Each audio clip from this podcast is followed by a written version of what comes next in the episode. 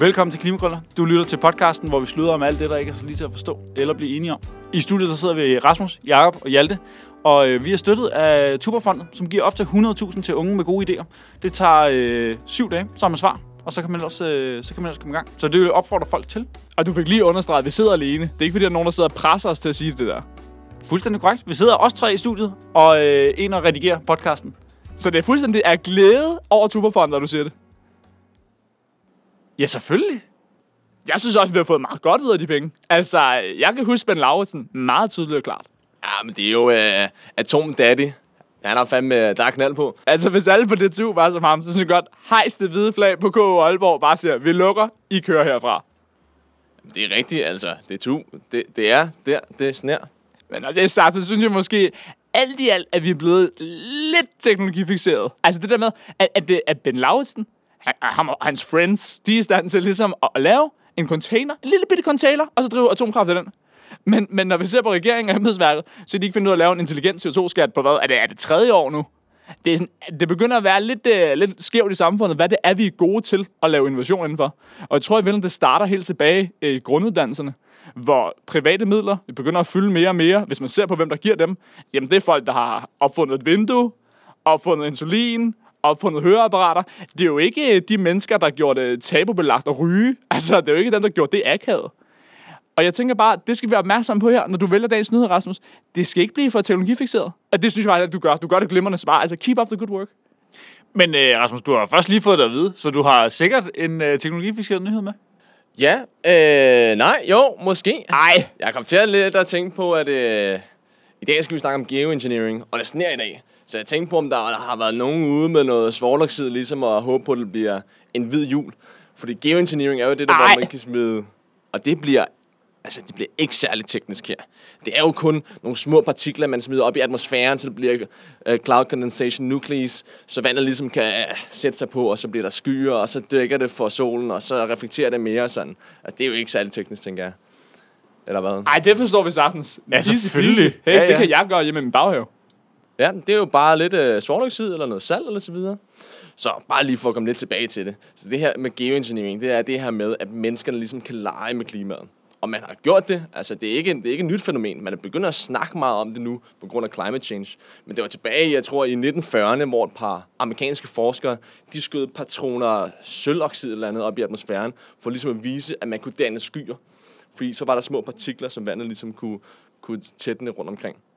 Og så man brugte det lige siden. Altså, vi så i Beijing, der smed de også noget op i atmosfæren, for ligesom at få det til at regne ud, for med alt det smog, der har, de har oppe i, øh, i deres luft, for at man kunne få en solklar OL. Men var det ikke det, øh, Ricard Rinan, hun talte om? Altså, da hun kommer til om VOC-gasser. Det der med, hvis der var insekter, der angreb birketræerne op i Nordsverige, jamen så øh, frigav de her træer nogle gasser, som havde nogle små kerner, som vandet så kunne fortætte sig omkring, og så kom der flere skyer. Jamen, det er helt korrekt, og det er så bare naturens side, kan man sige. Og det leder mig til dagens nyhed, som handler om, at... Uh, når Og det der, det var ikke engang dagens nyheder. okay, ja, ja, vi er helt med. Dagens nyhed, det er, at uh, i Australien, ved Great Barrier Reef, hvor det ikke ser så godt ud lige for tiden med de koraller der, der er man simpelthen begyndt at bruge geoengineering til, at uh, man sejler ud med en masse både, og så sprayer man en masse sea salt op i, uh, i luften, så danner det skyer, og så virker det kølende på, på både vandet, men så selvfølgelig også uh, korallerne, så man håber på, at de kan overleve. Så pointen er ikke, at der også er hvid jul i Australien lige pludselig. Og det håber jeg, det håber jeg ikke. Altså, det er jo down under det er sydpå, altså der burde gerne være, være ganske varmt lige nu. Hvad er potentialet i det? Altså, hvor langt kan man drive det? Jamen, så der er jo flere forskellige ting. Man snakker om global geoengineering, hvor man smider noget op helt op i stratosfæren og køler hele jorden. Man så det med Mount Pinatubo, da den gik udbrud i, øh, i 1991. Det var også en masse svovloxid, som var oppe i atmosfæren og kølede jorden naturligt. Problemet med det er, at det har en masse sideeffekter. Blandt andet som monsunen i Indien, den blev, øh, det var noget lort. Det hjælper ikke, hvis man gør det på sådan noget som ocean acidification, hvor når, når havet bliver mere og mere surt, så kan de her kalkstrukturer, ligesom koraller eller hvad det nu måtte være, de kan ikke gro ordentligt. Men man har også det lokale her, som man snakker om i tørker, tørkeramte områder, man kan gøre det for ligesom at drive regn, eller i Beijing, hvis man gerne vil have klart vejr til OL. Okay. Altså, jeg kan godt, altså, det er godt huske det med pH-skalaen. Det er jo sådan, man måler Catherines humør. Det er ligesom, altså, sådan en høj, sådan middelagtig pH, så er hun glad. Lav pH, så er hun sur. Det er meget nemt. Men altså, nu går jeg og snakker med om det her geoengineering, og Det er noget, jeg synes er super spændende, men det er ikke noget, jeg ved vanvittigt meget om. Men der er en, jeg ved, som har rigtig godt styr på det. Åh, oh, du tænker på Olaf Gotti, Gotti, Gotti. Olaf Curry. Han er altså, han er nice. Vi får ham ind lige om lidt, så øh, jeg tænker, vi næsten bare skal sætte en stol frem.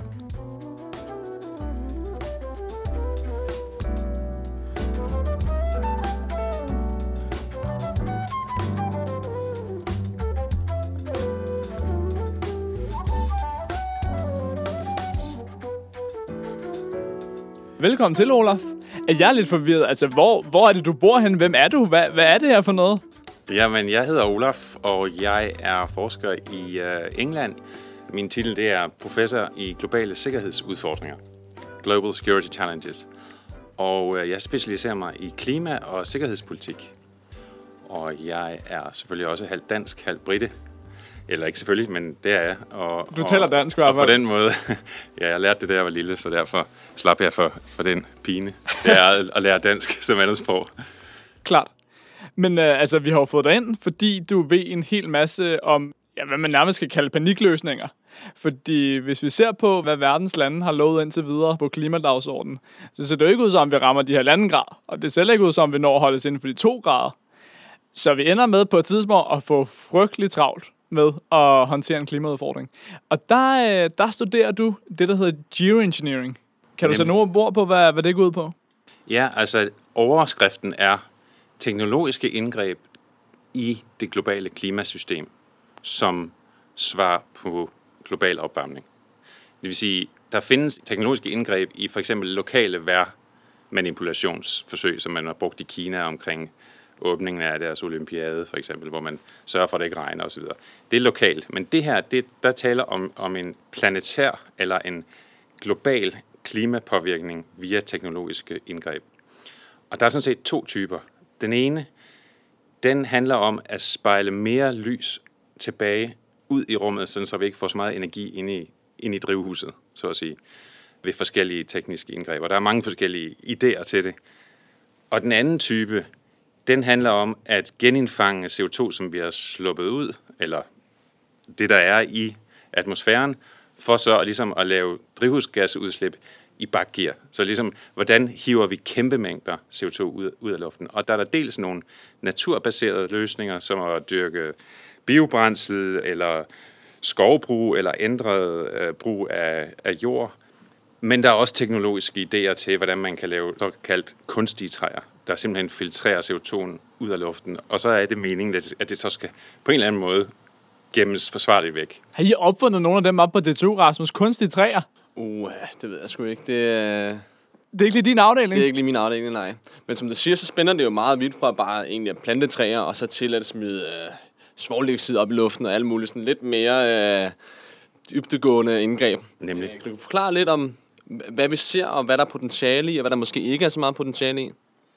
Altså, det overrasker mig ikke, at de ikke har, har lavet det, fordi kendetegnet ved de her teknologier, det er, at de stort set ikke findes. I hvert fald ikke i en målestok, hvor det batter noget. Det er jo lidt et problem, når det er en stor del af løsningen, ikke? Jo, det er en af hovedproblemerne med dem, og det er en af de ting, der bliver diskuteret meget. Hvordan håndterer man ideen om, at det måske kommer en gang, i forhold til, om det spænder ben for den proces, vi skulle gerne have gang i med at øge vores indsats for at ikke at skabe problemet i første omgang. Altså tanken om... Altså tanken om, at de kommer, påvirker, hvad vi gør i dag. Og det er ikke en hypotetisk spørgsmål, fordi hvis du ser på specielt det, der hedder carbon removal, eller CO2 støvsugning, hvad kalder man det på dansk? Ja, det er sådan en fangst. Øh, CO2-fangst.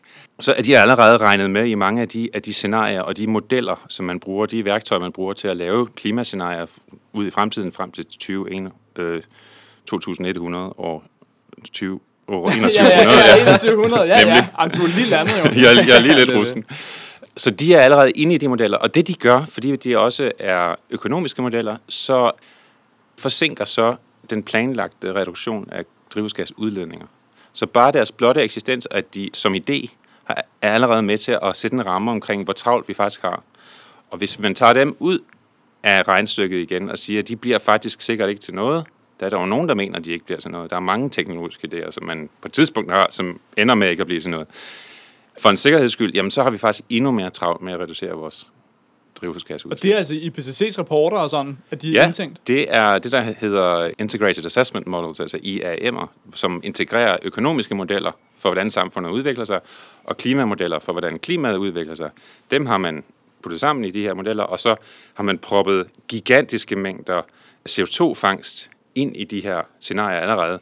Og det gik først, det skete omkring år 2005, og det er først rigtig gået op for folk i de sidste fem år, at det er det, der er scenariet. At vi faktisk allerede er blevet afhængige af nogle teknologier, som ikke findes. Vi har allerede delelementer. Vi ved godt, vi kan proppe CO2 ned under jorden igen i tomme oliefelter, sådan, fordi det har man brugt til at skubbe mere olie ud af de halvtomme oliefelter. Vi ved godt, at vi kan sætte CCS-anlæg på for eksempel kraftværker, hvor man brænder fossile brændsler, og så kan man ved hjælp af nogle og meget energikrævende processer hive CO2'en ud af, af røggasserne. Så man har sådan set delelementerne til det, men at skalere det op vil kræve noget, der ligner tre gange den eksisterende olie- og gasindustri infra- infrastruktur. Ja, og, så, bygge. og vi har jo hele partier herhjemme. Jeg tror, LA, der er det jo hele deres plan. Det er stort set at, at hive det Hockeystaven ud er meget, meget stejlt til sidst. Ja, hockeystaven er blevet strukket der til sidst, ikke? Men jeg tænker, der er, vel, der er vel også nogle problematikker i det her. For eksempel så en af dem, du snakkede om, det her med at, ligesom at blokke personen. Og som du siger, der er mange idéer. Blandt andet at sætte et, et spejl ude i rummet og så videre. Det lyder meget dyrt. Det er kun én problemstilling, der ligesom tager hånd om, netop at temperaturen stiger. Ja. Men øh, den forøgede mængde CO2 i atmosfæren Forsuring, ja. og forsuring af havene, Havene, ja.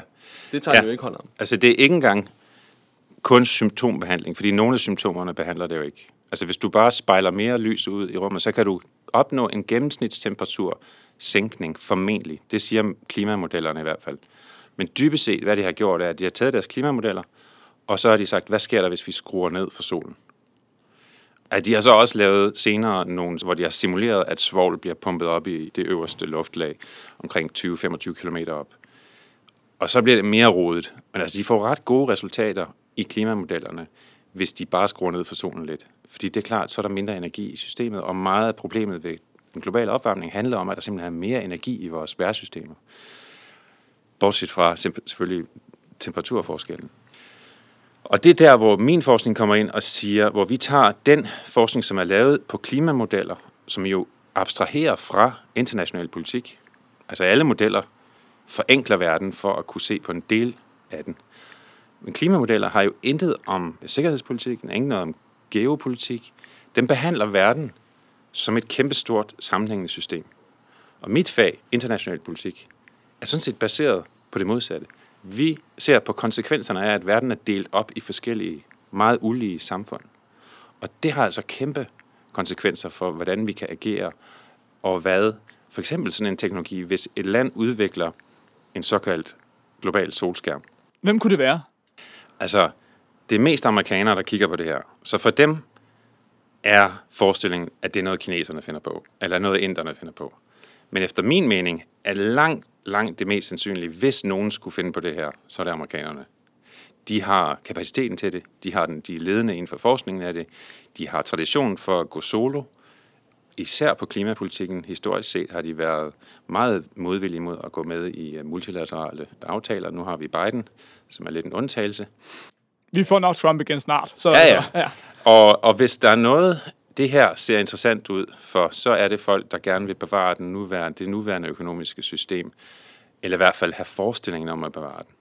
Så på den måde er det en utrolig potent politisk idé, uanset om det teknisk kan lade sig gøre, uanset om det politisk ender med ikke at kunne lade sig gøre, fordi det simpelthen vil skabe et geopolitisk håndtag af rang, som du aldrig nogensinde har set før.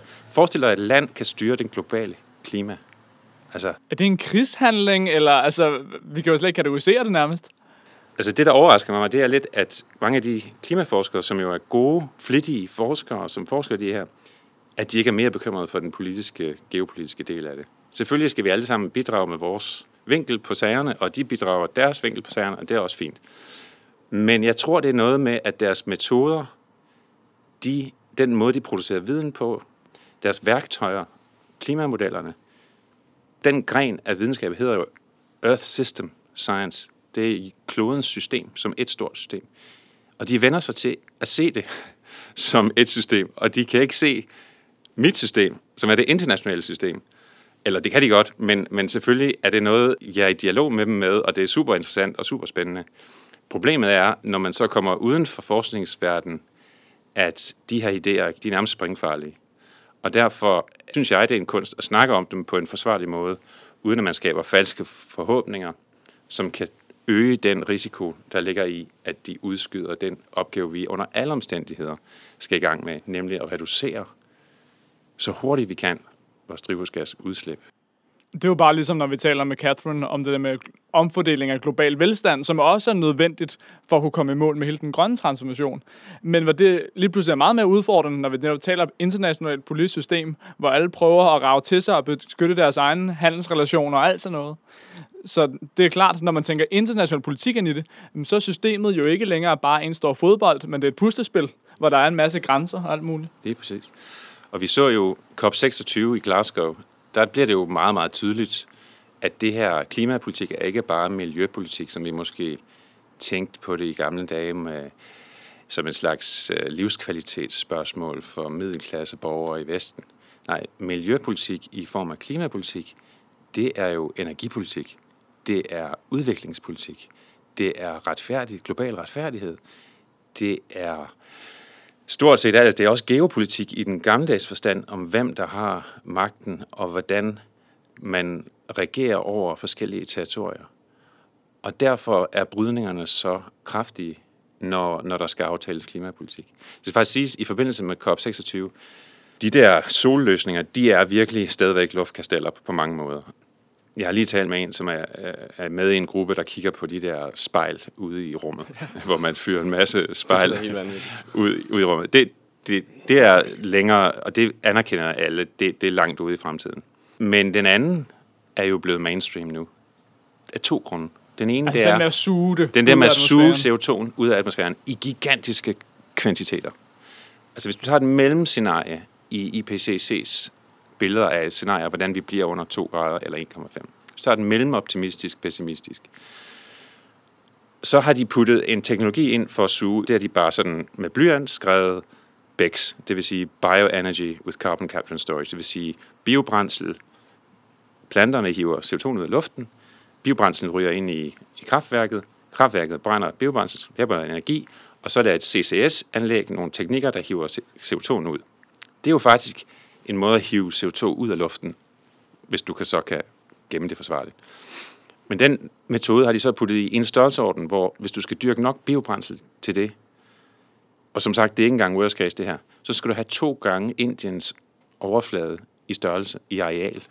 Ja, Det, det, det er et par kvadratmeter. det, det Og er hvor skal nogle, du bøge inderne hen? Altså, der er rigeligt af dem i forvejen. Ja, det vil så ikke lige at være i Indien. Men, men det er bare for at anskueliggøre, hvor umuligt det her vil være. Og selv hvis det var muligt, er det ikke sikkert, det vil være ønskværdigt. Fordi bivirkninger ved at plante biobrændsel, olie, fødevarekrise, fødevaresikkerhed, biodiversitetskrise, vandforbrug, energiforbrug, og så er der menneskerettigheder og oprindelige folk, der vil blive skubbet væk fra deres land, fra deres jord, små bønder, som ikke har dyre advokatfirmaer, som ikke kan forsvare sig. Hvad tænker du, i hvor høj grad er det øh, store virksomheder, som øh, styrer den her udvikling? Fordi jeg kan godt se, at øh, det er jo favorabelt for, for store virksomheder, som udleder en masse CO2, at man ligesom bare kan trække det ud igen. Hvor det her med at skærme for sollyset, det er måske ikke noget, der, der batter så meget for, for de virksomheder. Der er sådan set to måder, det kan betyde noget overordnet set. Solskærmen kan være attraktiv som en måde at forlænge eller beholde den samfundsmodel, vi har i dag. Det er ikke noget, man kan, men det kan bruges til at argumentere for, at du har mere tid. For eksempel, at du ikke du kan stadigvæk brænde fossile brændsler, hvis du kan holde et kunstigt låg på temperaturen. Det er den ene. Og det vil selvfølgelig være samfundsbevarende kræfter, som kunne se noget der, noget potentiale. Selvom det faktisk ikke løser problemet. Du skal, skal stadigvæk af med de der fossile brændsler i det lange løb. Den anden måde, det er, som nu efter COP26, der aftalte man regler. Det var det store regelsæt, der blev aftalt. Regler for handel med CO2-kvoter internationalt. Det var egentlig noget, man skulle være blevet enige om i Paris, men blev først enige om det i Glasgow. I og med, at man har fået de regler på plads, så har man jo skabt et kæmpe potentielt marked, hvor lande eller virksomheder, som gerne vil erklære, at de er CO2-neutrale, får lyst til at købe CO2-fangst andre steder. Og hele ideen med det er jo, at det skal gøres billigst muligt. Og hvor er det billigt? Ja, det er ikke billigt i det globale nord at skære ned på fossile brændsel. Nej, hvis du laver de økonomiske der, modeller, der er lavet på, hvad der sker, hvis man laver sådan et marked, og det har vi altså gjort nu. Hvis markedet fungerer perfekt, så vil man se en handel på halvdelen af de nedskæringer, der skal ske før 2030, hvis vi skal være på ret kurs. Halvdelen vil blive handlet. Det vil sige, at halvdelen af det, hvert land byder ind med, vi kan skære så og så meget. Alle lande har sagt det til, ifølge Paris-aftalen. Halvdelen af det vil blive handlet over grænser. Det vil sige, at det, man fandt ud af ved at lave en økonomisk model af det, det var, at det, der skete, var, at det flyttede nedskæringerne i CO2 fra den rige verdens fossile brændsler til den fattige verdens jordbrug. Det vil sige planter, træer, skovbrug. Okay, så det er lidt ligesom Shell, der nu i, uh, i Holland uh, siger, okay, man kan køre en CO2-neutral bilkørsel Lige her, præcis. fordi vi planter, eller vi planter skov, skov til 2030, 2050. Så køber de bare lidt uh, skov på Borneo, og så planter de det der. Er det præcis. sådan lidt det, vi ser? Det er præcis. Jeg frygter altså lidt, fordi normalt, Olof, så her til sidst, så, så plejer vi at sige, at vi virkelig gerne vil høre mere om det, gæsten har, har fortalt, og vi gerne vil have gæsten ind igen på et senere tidspunkt. Det jeg frygter, det er, hvis vi gør det med dig, så sidder du bare, altså det er hit herinde, og du sidder og siger, hvad sagde jeg? Det nyttede ikke noget. Der var ikke plads. Der var ikke planter nok. Der var ikke vand nok. Det kunne ikke, altså det belastede vores system for meget, hvis vi satsede på at hive CO2 ud af atmosfæren. Ja, altså, altså jeg vil sige, dilemmaet er, at vi er nødt til at se på de her teknologier, især for at hive CO2 ud af luften. Fordi vi kommer formentlig, måske har vi allerede udledt for meget. Så vi skal måske finde et bakgear på den måde. Kunsten bliver at forske i det, som om det aldrig bliver til noget. Altså vi skal forske i det, og politisk agere, som om det ikke kan lade sig gøre. Det man har gjort i Glasgow, mener jeg, bygger på en forudsætning om, at det kan lade sig gøre med de naturbaserede løsninger i hvert fald, og det vil sætte skub i den teknologiske udvikling for CO2-fangst på andre måder. Men jeg mener med nogle meget uretfærdige omfordelingstendenser bygget ind i den, og nogle potentielt nogle blindgyder og noget ekstra udledning af ekstra CO2, fordi mange af de her metoder er usikre. Det er svært at være sikker på, at en skov bliver stående i 200 år. Det er svært at- at være helt sikker på, hvor meget ændring af, af noget jordbrug øh, har, har fanget af CO2. Det er meget sikrere at beholde kul og olie og gas i jorden. Der er det stabilt. Der ved du, hvor meget der er. Så det, det skaber en hel masse potentielt for snyd, også det, men også at ting bare går galt. Og alle de omkostninger, der er, de sociale omkostninger ved, at man flytter klimaløsningerne til det globale syd, for at forlænge vores fortsatte brug af fossile brændsler. opfordring om, om, om hemmelig forskning. Den er, den er hermed givet videre. Der skal ikke være hemmelig, men der skal være ansvarlig. Det var en fornøjelse, at du havde lyst til at komme ind og, og få gøre os klogere på alt det her. Jamen, tak fordi jeg måtte komme.